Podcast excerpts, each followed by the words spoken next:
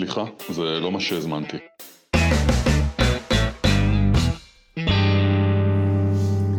שלום שלום, לא נפגשנו לימור, מנובמבר, ואנחנו היי. כבר בינואר. ינואר, סוף ינואר. אה, טוב, נו, יש, יש נסיבות מקלות, מלחמה וזה, העולם בחוץ אה, לא פשוט. כן, אה, אבל קודם כל, אני רוצה להעיר דווקא על משהו משמח. כן. אה, בעצם יש את הפודקאסט אה, חושבים טוב, של יהודית כץ, כן. והיא פרסמה אתמול את כל הפרקים הכי מואזנים ב-2023, והפרק שלך, טה-טה-טה-טה-טם, הגיע למקום ראשון, כן, כיף שזה לא. מפתיע.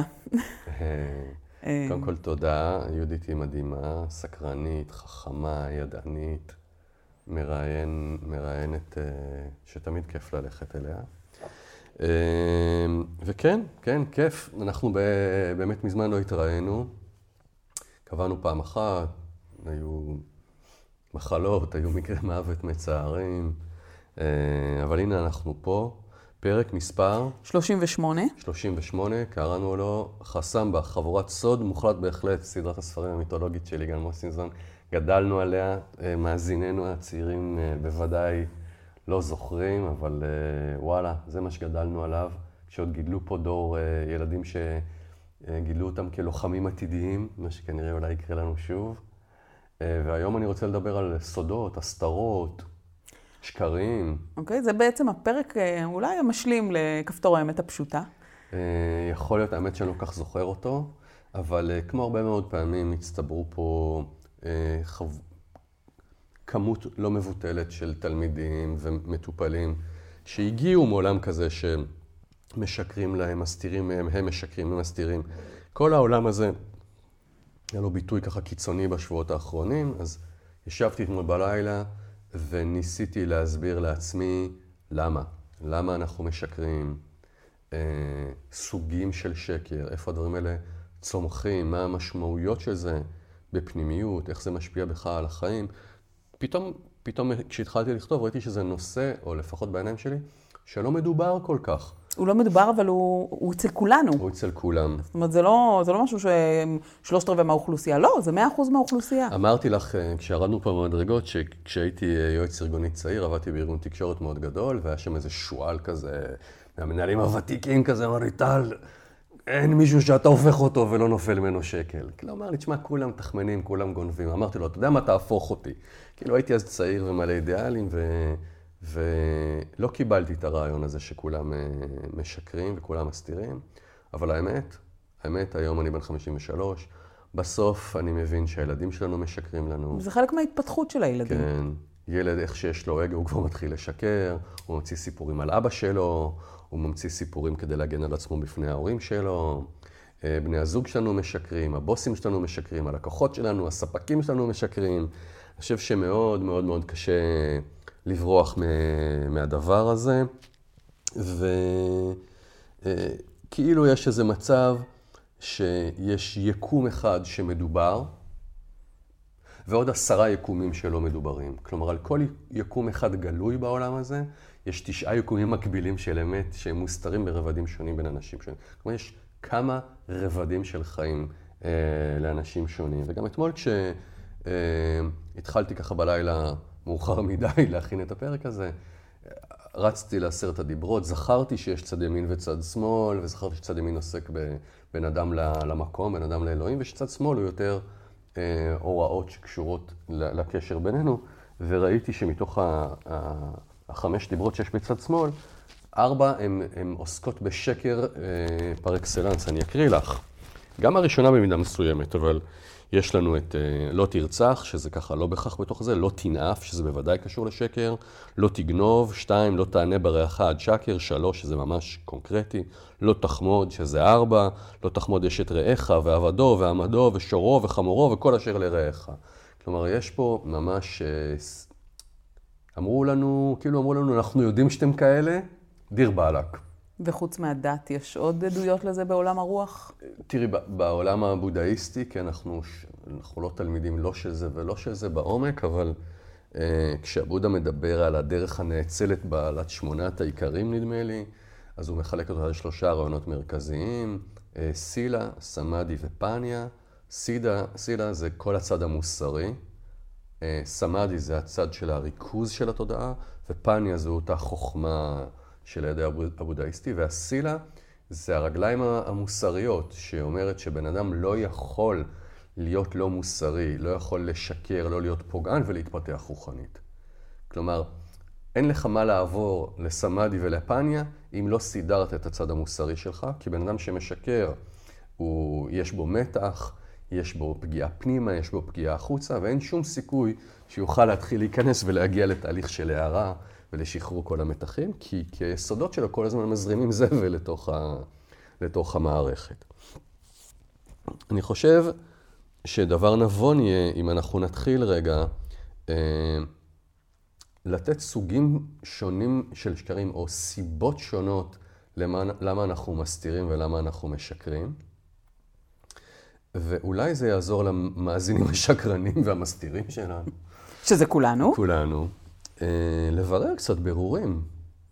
מה השורש של ההתנהגות הזו? אה, מה המחיר? מה המחיר? באיזה רמה? בא? כאילו, בוא נצא מנקודת הנחה שכולם משקרים, אבל אני מניחה שיש שקרים שהם בקצה האחד ושקרים שהם בקצה השני. ונעשה עוד הפרדה, שאולי ניגע בה גם בסוף כשנרצה לנסות ולתת פתרונות. נעשה הפרדה בין הרעיון הזה, שבן אדם לעיתים נאלץ, במרכאות, למצוא את עצמו משקר, שזה יכול לקרות פעם ב... כי החיים מורכבים, ואני לא נכנס עכשיו לשיפוט הערכי של הדבר הזה, לבן אדם שמוצא את עצמו שוב ושוב מסתיר את האמיתות שלו ברבדים השונים, או אפילו באופן אקטיבי משקר לגבי המציאות שלו, או המציאות שמקיפה אותו. זאת אומרת, אתה מדבר איתי על אה, מצד אחד, או בן אדם שהוא נורמטיבי, ו... אבל נאלץ לשקר, ותכף נדבר על מה נאלץ, זה נאלץ. או בוחר מדי פעם. בוחר מתוך בחירה חופשית, כן. או... אתה, או שאתה מדבר איתי על הצד השני, שזה בעצם דפוס אה, קבוע שחוזר על עצמו באותו בן אדם. כן, דפוס סתם אני אתן דוגמה מאוד מאוד רדיקלית, אה, בשואה. כן.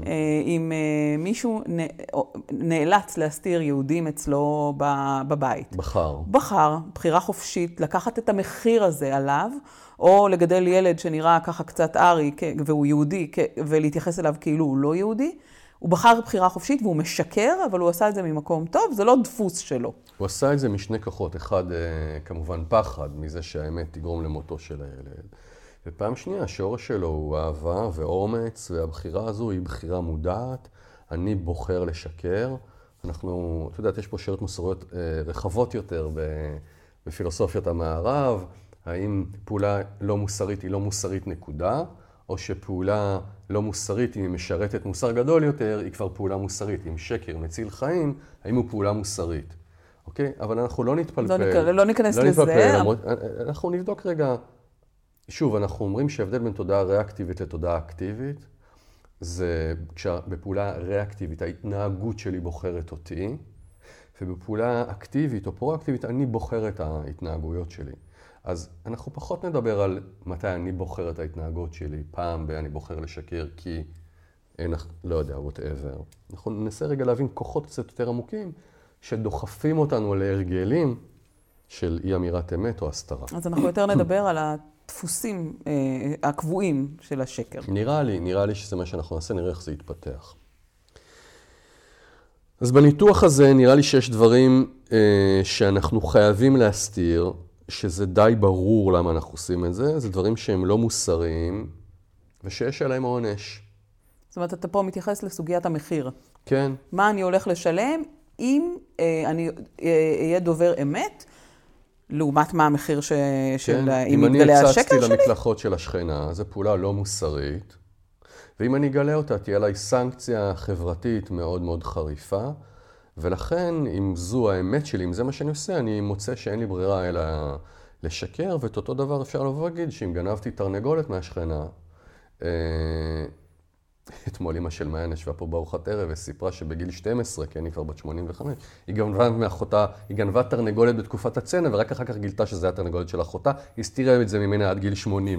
וגם בגיל 80 היא רדפה אחריה וזרקה עליה כפכף. כלומר, המחיר של השקר אה, הוא מאוד גדול. אם כבר הזכרת את מעיין, סתם אני אומרת במאמר מוסגר, בעצם המקצוע שלה, כל הנושא של שפת גוף, אז היא גם יודעת להסתכל על בן אדם ומשפת הגוף שלו אה, לזהות מתי הוא משקר נכון, ומתי היא לא. הפכה את זה לקריירה. כמי שנפגעה בעבר מאי אמירת אמת, ובמישהו שמכר לה שהוא משהו מסוים, אבל בסוף פגע בה, בחרה לפתח מיומנות שמזהה מהם הכוונות האמיתיות של הבן אדם, ולא מה הוא אומר שהוא מתכוון. לפי לעשות. שפת הגוף. כן. מדהים.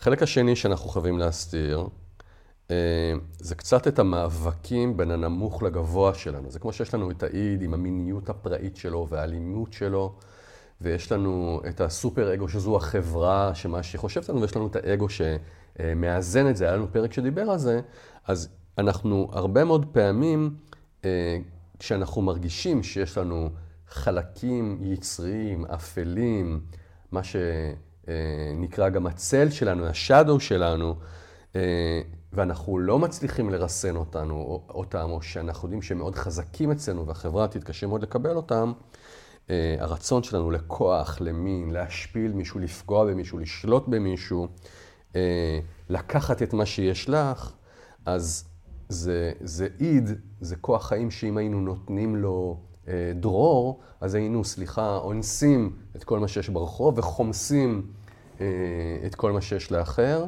וגם שם הרבה מאוד פעמים אנחנו מבינים שאנחנו חייבים להסתיר את זה, כי החברה לא תדע לקבל את זה, ושבכלל, אם אני אוציא את זה החוצה, אני אנודה מהחברה, זה בכלל התפקיד של האגו. ואז אנחנו יכולים לראות אנשים שמתעלים את הדבר הזה למקומות אחרים, אה, למקום של פורנו, למקום של סטיות, למקום אה, של מיניות אה, אגרסיבית, או... כלומר, לוקחים ואת זה מסתירים כי מאמינים שהחברה לא יכולה... שהמחיר יהיה מאוד מאוד כבד, כי אני לא רוצה להיחשף. אז זה משהו שאני או- פעם עוסק אחת לא רוצה בלהחביא. להיחשף, ופעם שנייה זה גם קשור לתפיסה שלי את האני. אם גדלתי בבית שבו המיניות הזו נתפסת כמלוכלכת, כבעייתית, אז זה לא רק מה תחשוב החברה, זה כבר היחס שלי לדבר הזה, ומשם אני משליך לבושה או להשפלה שתצא. אז אני גם משקר כלפי חוץ, וגם לפעמים גם משקר לעצמי. ש... כן. חד וחלק. הסתרה נוספת קשורה לדבר שאנחנו קראנו לו בזמנו עיוות. אני, אני בטוח שהיה פרק שדיבר על הדבר הזה, שבו אה, אנחנו עוטים על עצמנו מסכות כי יש לנו הנחת עבודה מודעת או לא מודעת, שמי שאנחנו כפי שאנחנו, או לפחות יש בנו חלקים שהם פגומים. ואם אמרו לי למשל שאני אגואיסט או עצלן או מטונף, או, או שאני בושה כי, אה, אני לא יודע, אני מתעניין בבנות או וואטאבר, אז אני אעשה הכל כבן אדם מבוגר, כנער, כילד, כנער, כבן אדם מבוגר, אה, להסתיר את האמת הנוראה הזו שהיא בעצם האני האמיתי. כלומר, יש פה הנחת עבודה, שאם העולם ייחשף לאמת הזו שהיא אני, אין שום סיכוי שהעולם יהיה מוכן לקבל אותי, לאהוב אותי, to embrace, להכניס אותי לחבר העמים, ולכן אני חייב כל הזמן להסתיר את החלקים האלה שלי, שבעיני עצמי נתפסים כ... אני, כמי- עצמה, אני עצמי מתביישת בזה, אז אסור שהעולם גם יראה את זה.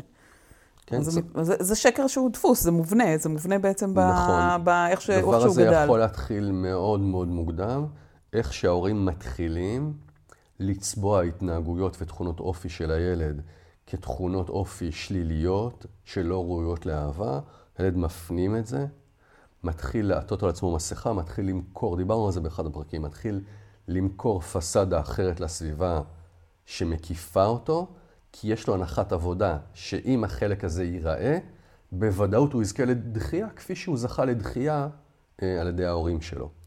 אה, המחיר המאוד מאוד יקר של ההסתרה הזו, היא קודם כל הרבה מאוד אנרגיה שאני משקיע, כלומר אני חייב לעבוד ולתחזק את התדמית שלי שמסתירה את האמת הזו, וכמובן שמי שמנהל איתי מערכת יחסים, לא באמת מנהל מערכת יחסים איתי, אלא הוא מנהל מערכת יחסים עם המסכה שלי. עם המסכה שאני גם על זה. היה לנו פרק. כן, נכון, זה הכל תחת אותה אה, כותרת.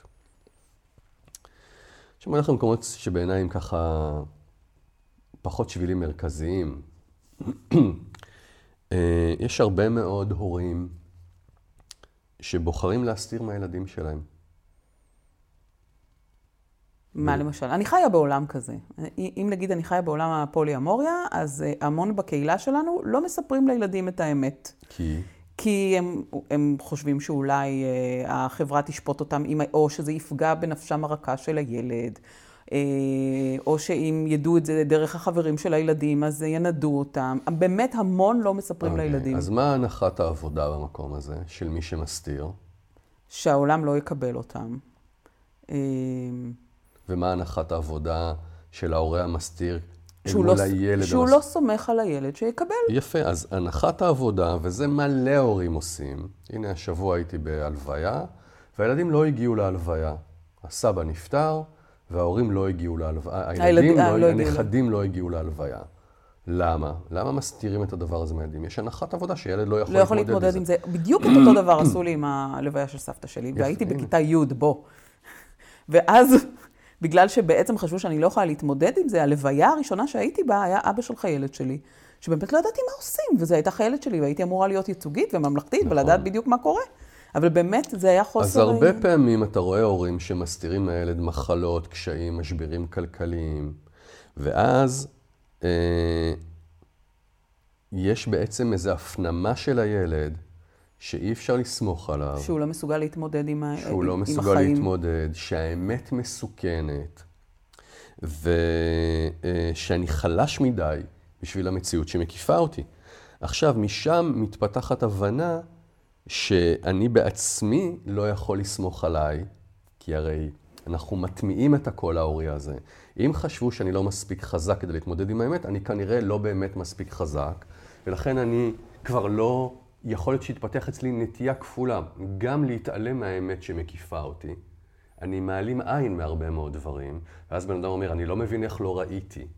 לא ראית כי גידלת את עצמך לא לראות, כי יש אמונה שאם תראה דברים שאתה לא יכול להתמודד איתם, אתה תקרוס.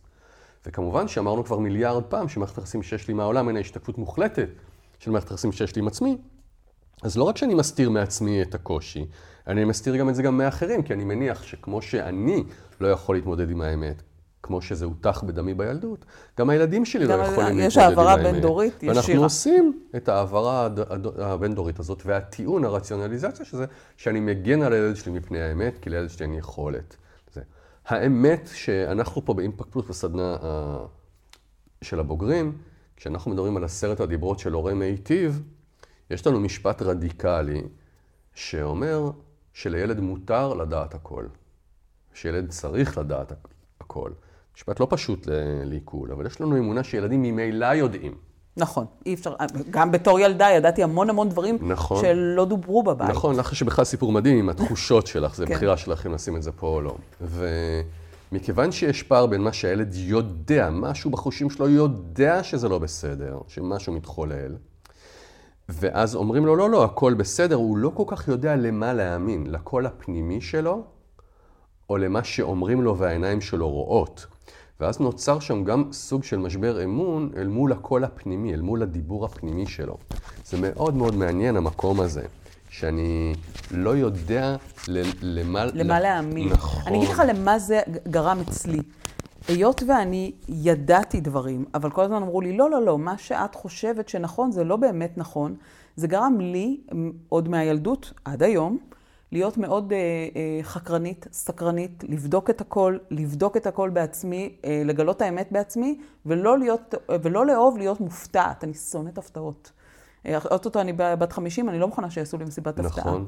כי אני רוצה לדעת את האמת, וזה, וזה בעייתי לחיות ככה, אי אפשר כל הזמן לבדוק מה קורה את... ו- ו- וכל הזמן לאשש נכון, את זה שאני האסטרט... אני כן יודעת או לא יודעת. נכון, אחת האסטרטגיות של אנשים שהסתירו ממנו ופתאום אה, סבא או אבא מת, מה, אמא בסדר, אמא בסדר, אמא בסדר, אמא מתה. את יודעת כמה סיפורים כאלה שמעתי? רגע, רגע, רגע, שנית מצדה לא תיפול. פעם מתה לי מישהו שאני הכי אוהב, ולא שיתפו אותי באינפורמציה, אין מצב שיש משהו שאני לא יודע.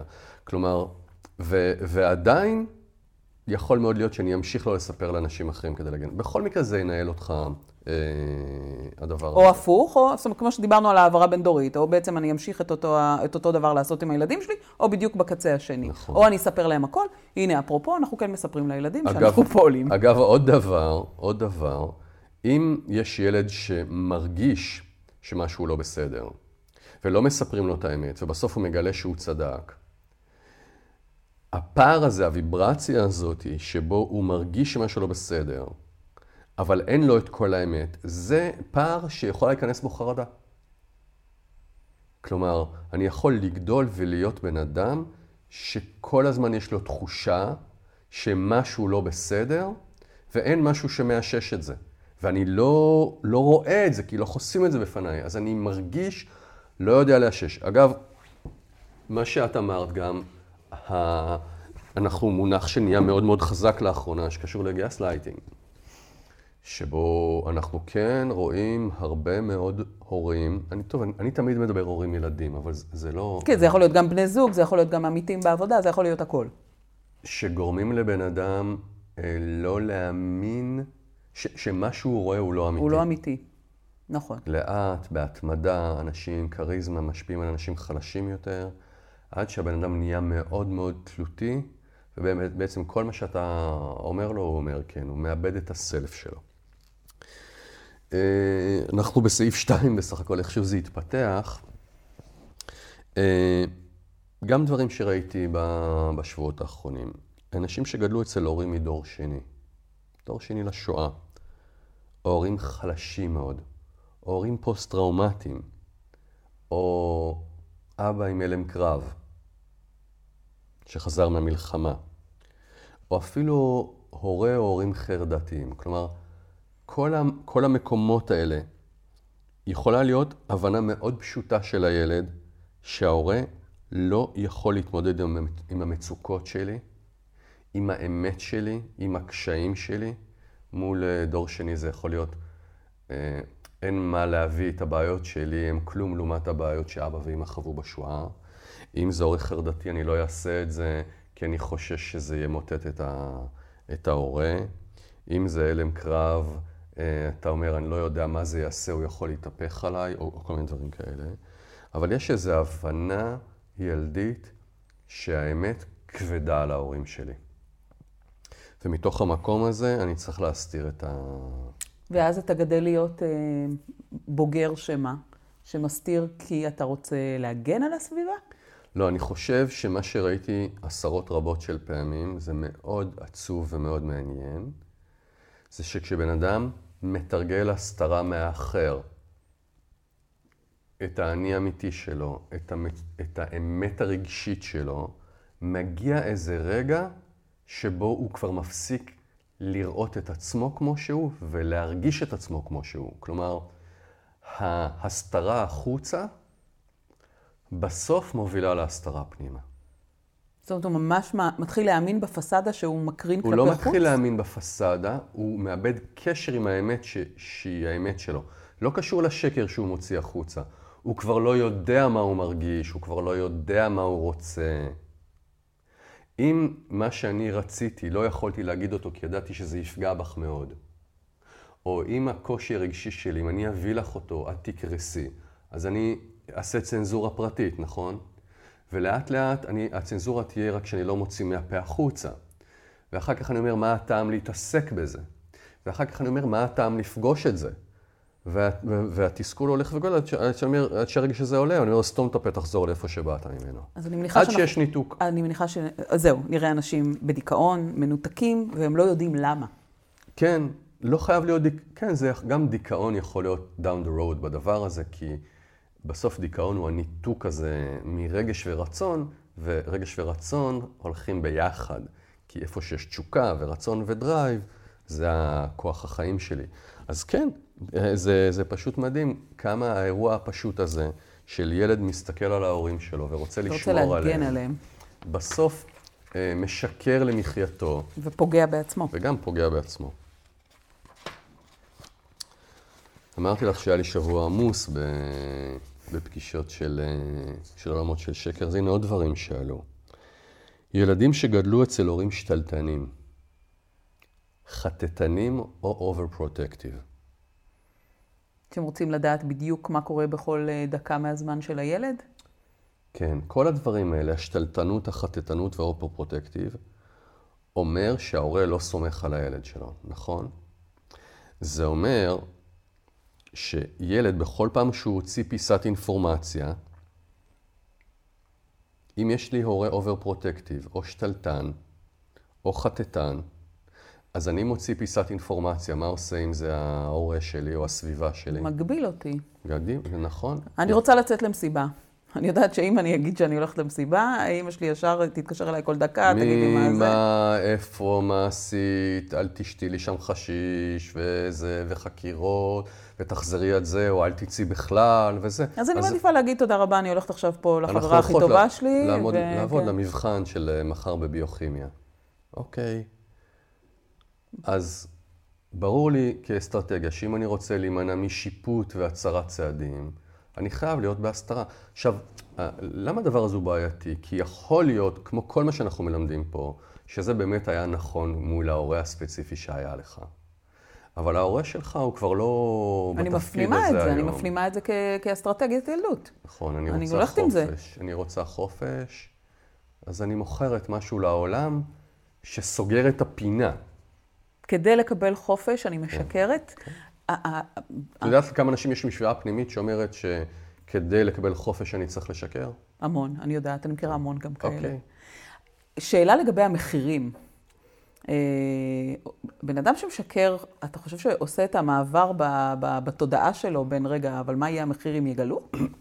או שאני מתעלמת מזה ואומרת, אוקיי, בשביל החופש כדאי לי לשקר, אבל נעבור את הגשר כשזה יקרה אם יגלו לא, את זה. הדיאלוג שאת עשית עכשיו הוא דיאלוג מודע. אז הוא, הוא שקרים שיושבים ב-A, בבחירה חופשית. רוב השקרים שאנחנו מדברים עליהם יושבים על הרגלים עתיקים יותר, שאני כבר לא בא ואומר, טוב, עכשיו לימור הגיעה להגיד לה שאני שוקל להחליף אותה במראיינת אחרת, או לא להגיד לה. אולי היא תיפגע, וזה הפרק האחרון, והיא כבר פה, והיא יכולה לדפוק אותי, אז ספר לה אחרי שאני אגייס את המראיינת הבאה. אוקיי, זה יכול לקרות לי פעם בחצי שנה, לא על זה אנחנו מדברים. ופה אני כן, אני אשקל אה, את העלות תועלת שלי. אבל אני רוצה לדבר, אה, שתעשה הפרדה, אם זה בסדר מבחינתך, בין שני המחירים. בין דפוס להיות כזה, בין המחיר של הדפוס להיות כזה, לבין המחיר הבודד של אותו שקר.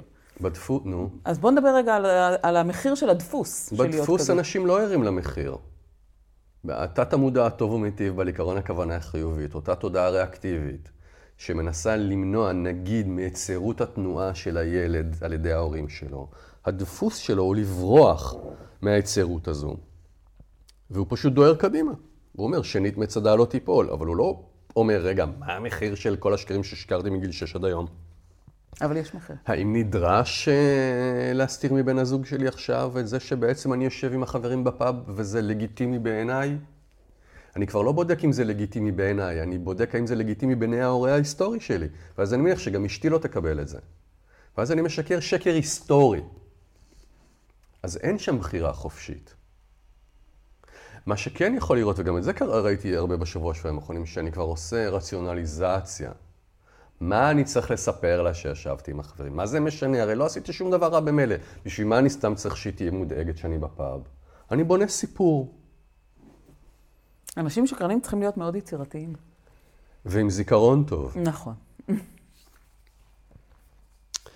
אה, נמשיך, כי יש עוד דברים ש, שראיתי לאחרונה. אה, מי שגדל בבית שבכל פעם שאתה סיפרת לו משהו עליך, מיד החזיר לך שיפוט על זה, יוביל לאסטרטגיה של, אה, של הסתרה.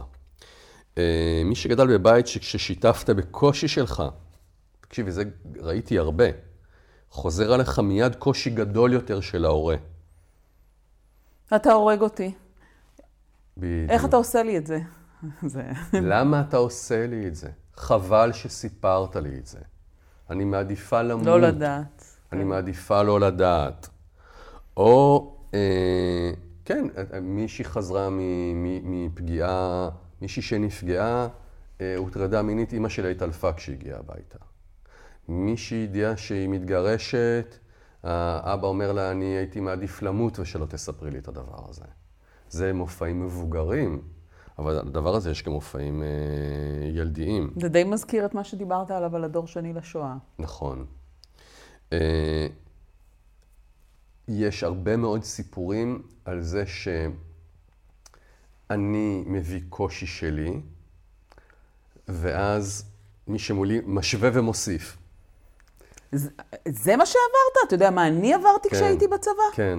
מזה אתה עושה סיפור? וזה, ובכלל, כלומר, כל פעם שאתה שם זרע זה נהיה שדה של מצוקה, ואז אתה אומר, ואז אתה באת להישען, ובעצם נשען עליך משקל שאתה לא יכול לשאת אותו כילד.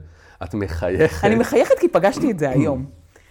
אה, נכנס אה, אה, בחור שהוא נפצע לפני 20 שנה לעודד אה, פצוע בבית חולים.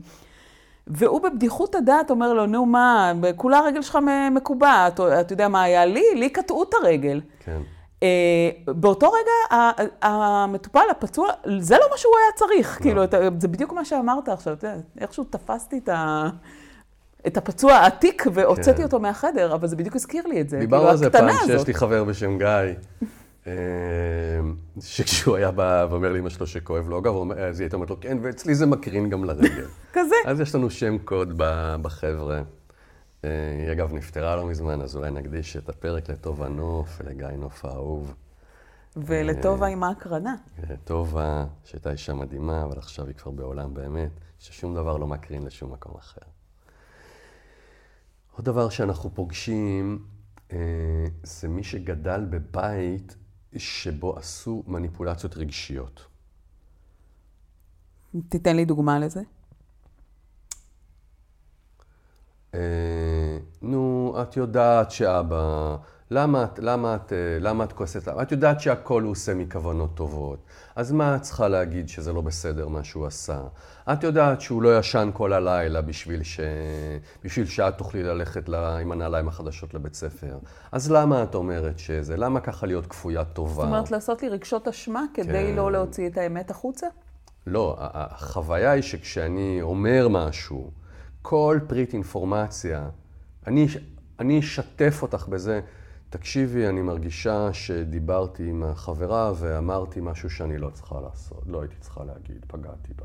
ואחרי שלושה שבועות אומרים לי, את רואה, את מוציאה דברים, זה כמו שעשית מול רותי. זאת אומרת, כל מה שאתה תספר עכשיו ישמש כנגדך, כן, כתבתי את זה מעתה ב... ועד ולדיראון כן, עולם. all you will say can and all you will say can and will be used against you in the court of law. כן, יש, אני חייבת להגיד שאני מכירה די הרבה זוגות כאלה שבעצם מחכים לרגע הזה שאפשר לתת מכה מתחת לחגורה. כן, ואז אתה אומר, אני לא אשתף בחולשות שלי בכלל, אני לא אגיד את האמת. נכון, כי אתה- זה ישמש נגדי אחרי זה. נכון.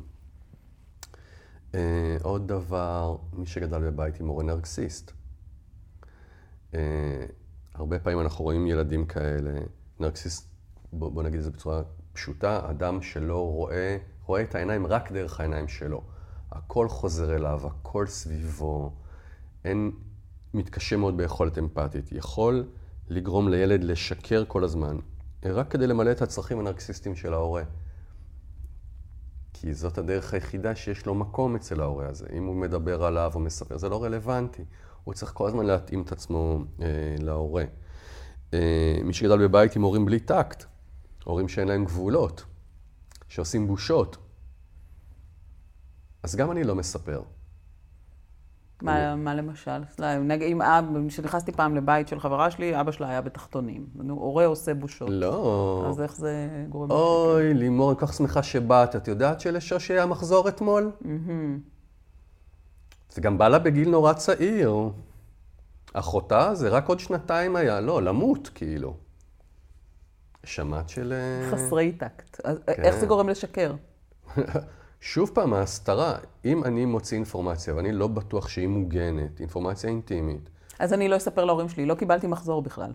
לא, הבנתי, זו פעם אחרונה שאני מספר את משהו. זה, זה יכול להוליד לאסטרטגיה של שליטה, לאסטרטגיה של מופנמות, של ביישנות. תחשבי כמה אסטרטגיות יכולות אה, להיוולד. כל, כל שורה כזאת שנתנו יכולות לפתוח עשר אסטרטגיות לאיך לדאוג. במקרה הזה, אוקיי, אני לא מספר לאף אחד שום דבר עליי. כי כל מה שאני מספר יכול לחזור עליי, בהפתעה. להוציא אותי awkward בתוך העולם. ומספר, אה, מספר מי סופר, כי יש כל כך מספר הרבה. מי סופר, זה, זה ממש מודל שאנחנו, אפילו יש לנו שם בשבילו פה, הפוסטר. כל מי שגדל בבית שבחוץ נראה היה מושלם ובפנים אסוני,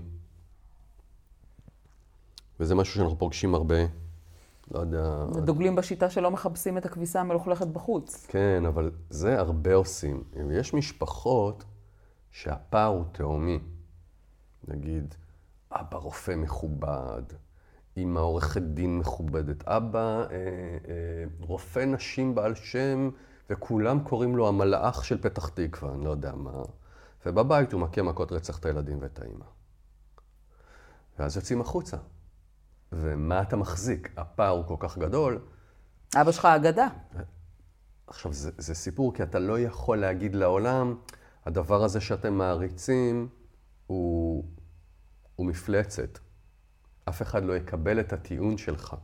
מדהים אבל איך אותו בן אדם מחזיק בתוכו את הפער הזה, כי הוא יודע את האמת. לפעמים הוא יודע את האמת. איך הוא מסתובב עם הפער הזה? לפעמים הוא חושב שהילדים שלו מגיע להם מכות, או שלא תמיד יודעים את האמת. אז הרבה הרבה מאוד פעמים אנחנו רואים את זה, אה, מנהלים אה, צרחות בתוך האוטו בדרך לחתונה, וצורכים, ואני שונא אותך ותמותי וזה, ויוצאים לחתונה מחובקים וזה, והילדים רואים את זה, ילדים רואים, ואין להם ברירה, כי האמת העגומה לא יכולה לצאת החוצה, וגם האמת היא שאף אחד לא יאמין להם אם היא תצא החוצה. אה, אגב, הרבה פעמים אנחנו רואים גם הסתרות, סליחה על הסטייה, שמישהי אומרת, אני לא אתלונן, כי מי אני אל מול הכוח ואיך שהבן אדם הזה נתפס בעולם. כי מי יאמין לי? מי יאמין לי אל מול איך שהבן אדם מול הזה הפוסטר. מצטייר. אה, אז אנחנו רואים אחר כך ילדים שממשיכים באסטרטגיה של הפוסטר הזה, של לצייר את זה מושלם. עכשיו, זה לא חייב להיות בית טראומטי, זה גם יכול להיות בית שכל הזמן אחת מהדמויות הייתה עסוקה במה יגידו השכנים. וזה מלא בתים אנחנו רואים שהמסר הוא שיותר חשוב מה יגידו. זה נאמר, זה לא מתחת לפני השטח.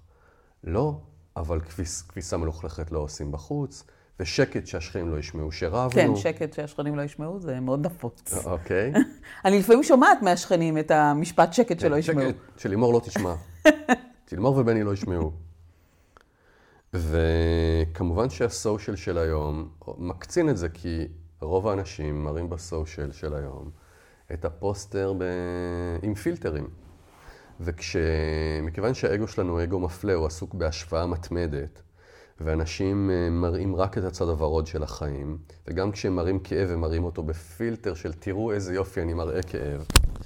אה, אז אין בוץ, אין, אה, אין אמת מחוספסת בחוץ, וזה מקשה על אנשים להראות את שלהם, והפער הזה הולך וגדל. רגע, איבדתי את כל לא, אלה בסדר, רגע. בינתיים שאתה תשתה, אני אתן דוגמה מאתמול. היה איזה זוג, אנחנו, אנחנו מנהלים איזה קבוצת פייסבוק. היה איזה זוג שרב, הוא רב, הוא רב, הוא רב, זוג נשוי. וזה הכל היה כזה בדרך הקבוצה. אה, ופתאום היום בבוקר הם מעלים תמונה זוגית, אוהבת וזה, שהכל נפלא. אה, כשבעצם הכל ברשתות החברתיות, ואז, ו, וזה לא באמת מה שאתה רואה. תקשיבי, אני, שבעצם החיים, כשאני פוגש אנשים, אני רואה את החיים שלהם מאחורי הווילון. ואני לא רוצה כמובן לא להיות אלגנטי בדיבור על אנשים, אבל באמת, לפעמים הפער של האמת שאני פוגש פה, ואיך היא מצטיירת למחרת ברשתות, היא, היא באמת... אה, פער בלתי נתפס לפעמים. כן. מדהים שאתה ומעיין אה, עוסקים כמעט באותו תחום, של לגלות את האמת. משורשים שונים כנראה. כן, אבל עדיין, כאילו, רואים את האמת, רואים את האנשים. טוב, אולי אפשר להתחיל אה, לקנוס. יש לי עוד אנשים ש- ש- שגדלו בבית שמרני מאוד, או דתי מאוד, או תרבויות מאוד מאוד נוקשות, נאלצים לשקר בשביל אה, שקט, ובשביל לחיות את החיים. כמו שזה, נכון? ועוד משהו אחד, ובזה אולי אה, נסיים. אני רואה אנשים ש...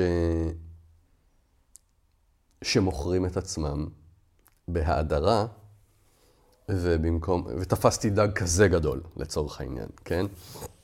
או מספרים סיפורים, מתוך הנחה שמי שהם כפי שהם, זה לא מספיק כדי להיות ראויים למקום בשולחן החברתי, או לקבל אהבה, והם עסוקים בכל אינטראקציה חברתית, אה, בלהדיר את עצמם שלא על בסיס אה, העובדות. ויש כמובן גם פתולוגיות של שקר וזה, אבל זה לא התחום שאני מבין בו או רוצה להעלות אותו. אז נראה לי שנתנו לא מעט... די הרבה דוגמאות, כן. אני חושבת שאני מרוצה. אני חושבת שאת הצורך שלי ב- אמרתי, בדוגמאות סיפקת מעל פעם ומעבר. אחת אני אוציא אותך מרוצה. לגמרי. אז, אז מה בעצם, אוקיי, עושים? בסדר, זה העולם, ככה זה התפתח אצל כל אחד ואחת, ומה? מה, מה עושים עם זה? למה בכלל עשינו את הפרק הזה? כאילו, אה, אני חושב שקודם כל, אני רוצה להגיד ש... זה כמו נייר לקמוס של אושר. מי שמשקר הרבה, אני לא חושב שיש סיכוי שהוא מאושר. שקרים לא מאפשרים לך לחיות בהלימה עם הרצון הרצון. שלך. ואמרנו שמי שחי בהלימה עם הרצון שלו הוא אדם מאושר, ומי שחי רחוק מהרצון שלו בן אדם לא מאושר. מי שמשקר, אין לו את האותנטיות הרגשית, אין לו את האינטימיות הזו.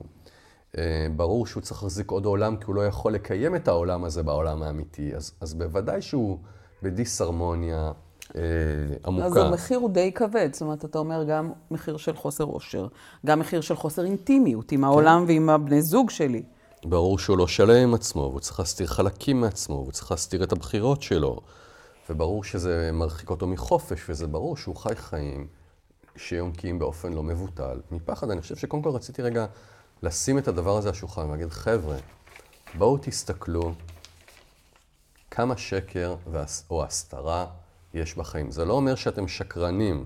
נתתי פה מספיק סיבות רגשיות, נפשיות של תודעה, למה זו אסטרטגיה סבירה לתודעה ילדית לבחור בהסתרה או בשקר.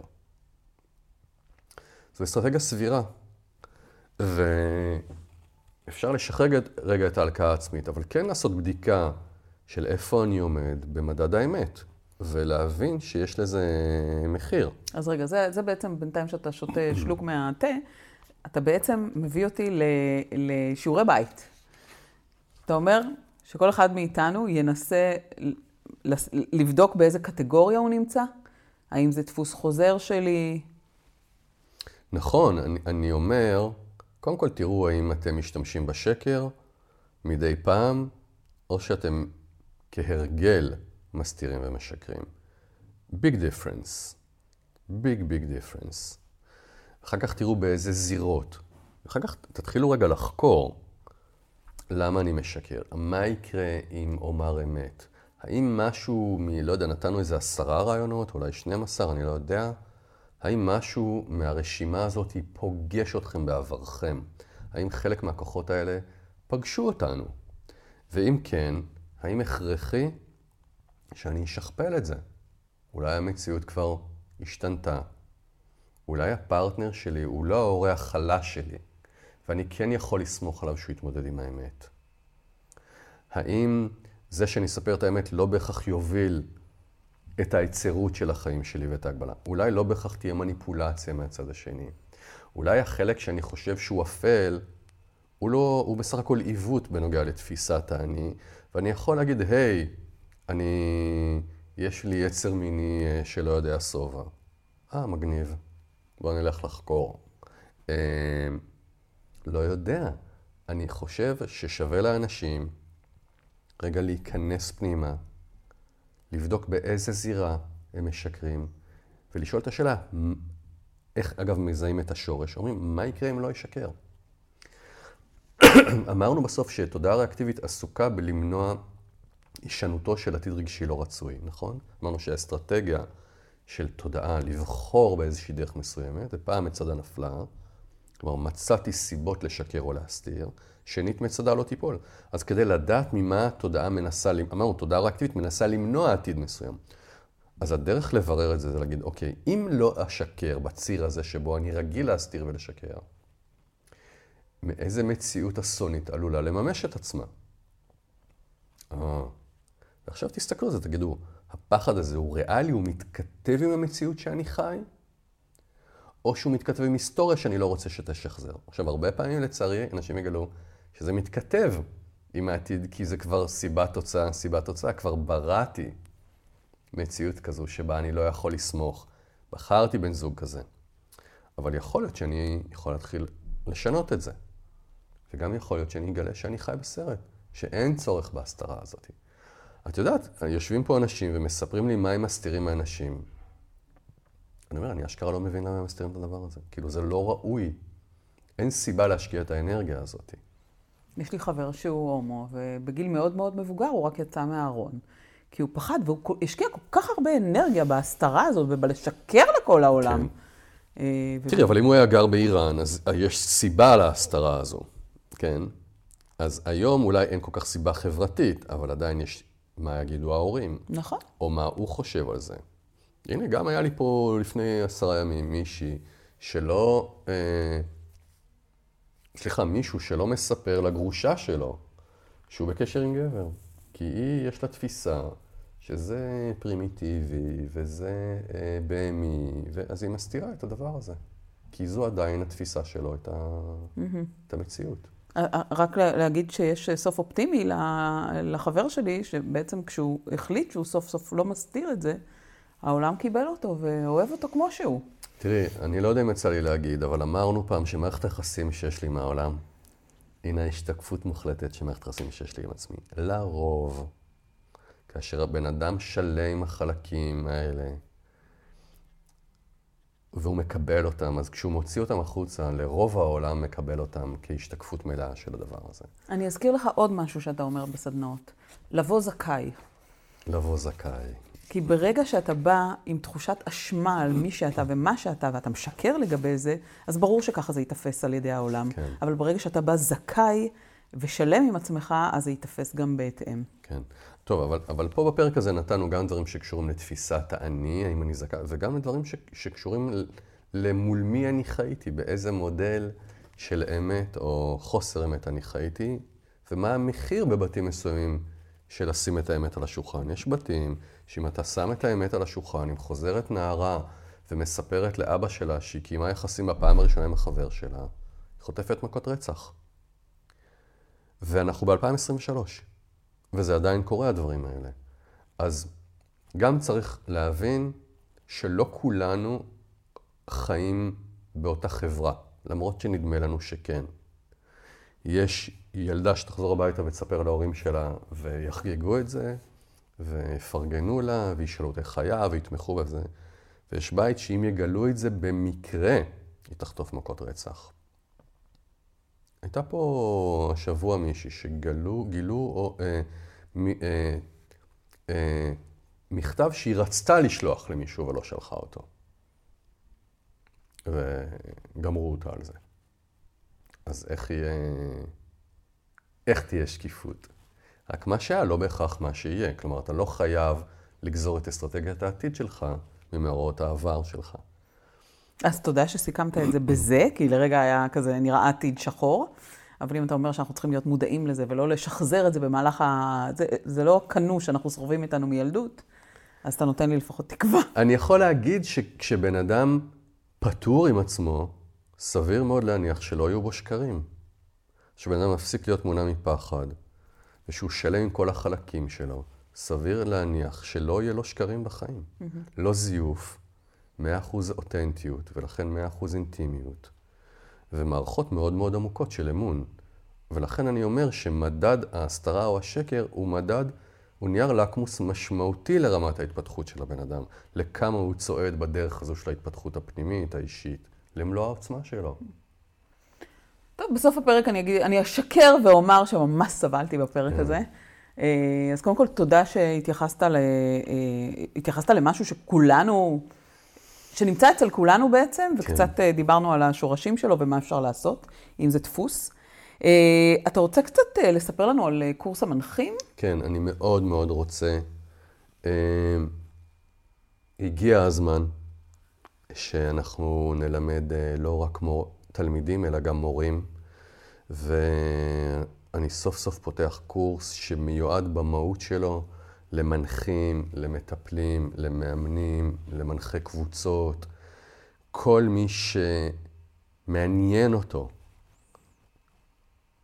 להעביר את זה הלאה, להשתמש בכלים האלה הלאה, אז אני פותח קורס ארוך. אני קראתי לזה בהתחלה אימפקט ללא מעצורים. אני רוצה ללמד הכל. מלמטה, מלמעלה, מהאמצע, את כל התרגילים, את, את כל כלי העבודה של הקליניקה. זו סדנה אה, של 24 מפגשים, של 4 שעות אה, כל מפגש, פעם בשבוע.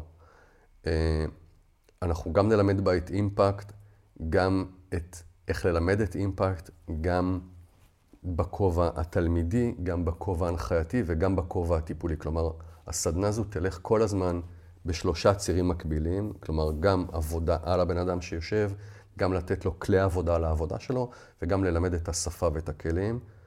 החלום הוא ממש לשחרר את הנצרה. אנשים שיש להם כבר ניסיון, שיש להם רעב, שישאלו את השאלות הכי מורכבות, שיעשו את התהליכים הכי אמיצים, אה, כדי שהדבר הזה יוכל לעבור הלאה. אני לא רוצה להשאיר אצלי שום דבר, זו החלטה שאני מאוד מאוד גאה בה. אמ, אתה לא רוצה להסתיר שום דבר. לא רוצה להסתיר שום דבר, לא רוצה לשמור לעצמי שום דבר. רוצה עוד מורים, ואנשים שיסיימו את זה מעבר לתהליך הצמיחה האישית הרדיקלי, שאני מניח שיוכלו להכניס את זה לקליניקות שלהם, לכלי העבודה שלהם, יוכלו אולי בהמשך לקבל אה, אה, מהבית ספר אה, אנשים שסיימו פה את הסדנאות, שיתאמנו אצלם או יעברו אצלם תהליכים, אולי להיות פה אפילו עוזרים בקורסים, אולי בהמשך להעביר סדנאות של אימפקט.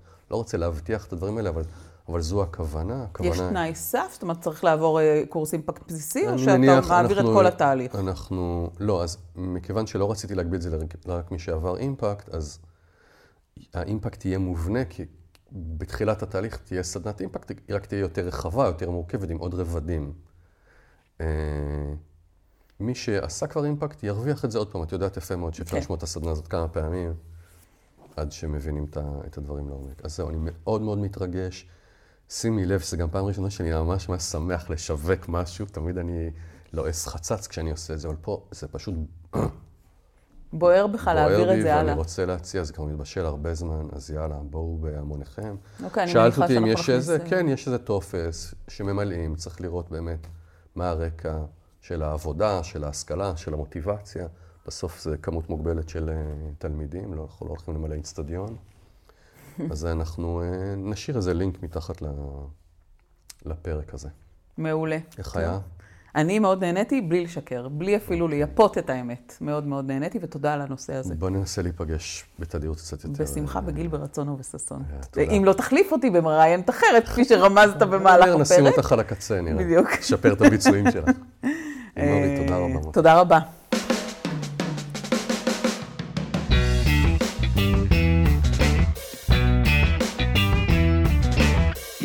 סליחה, זה לא מה שהזמנתי.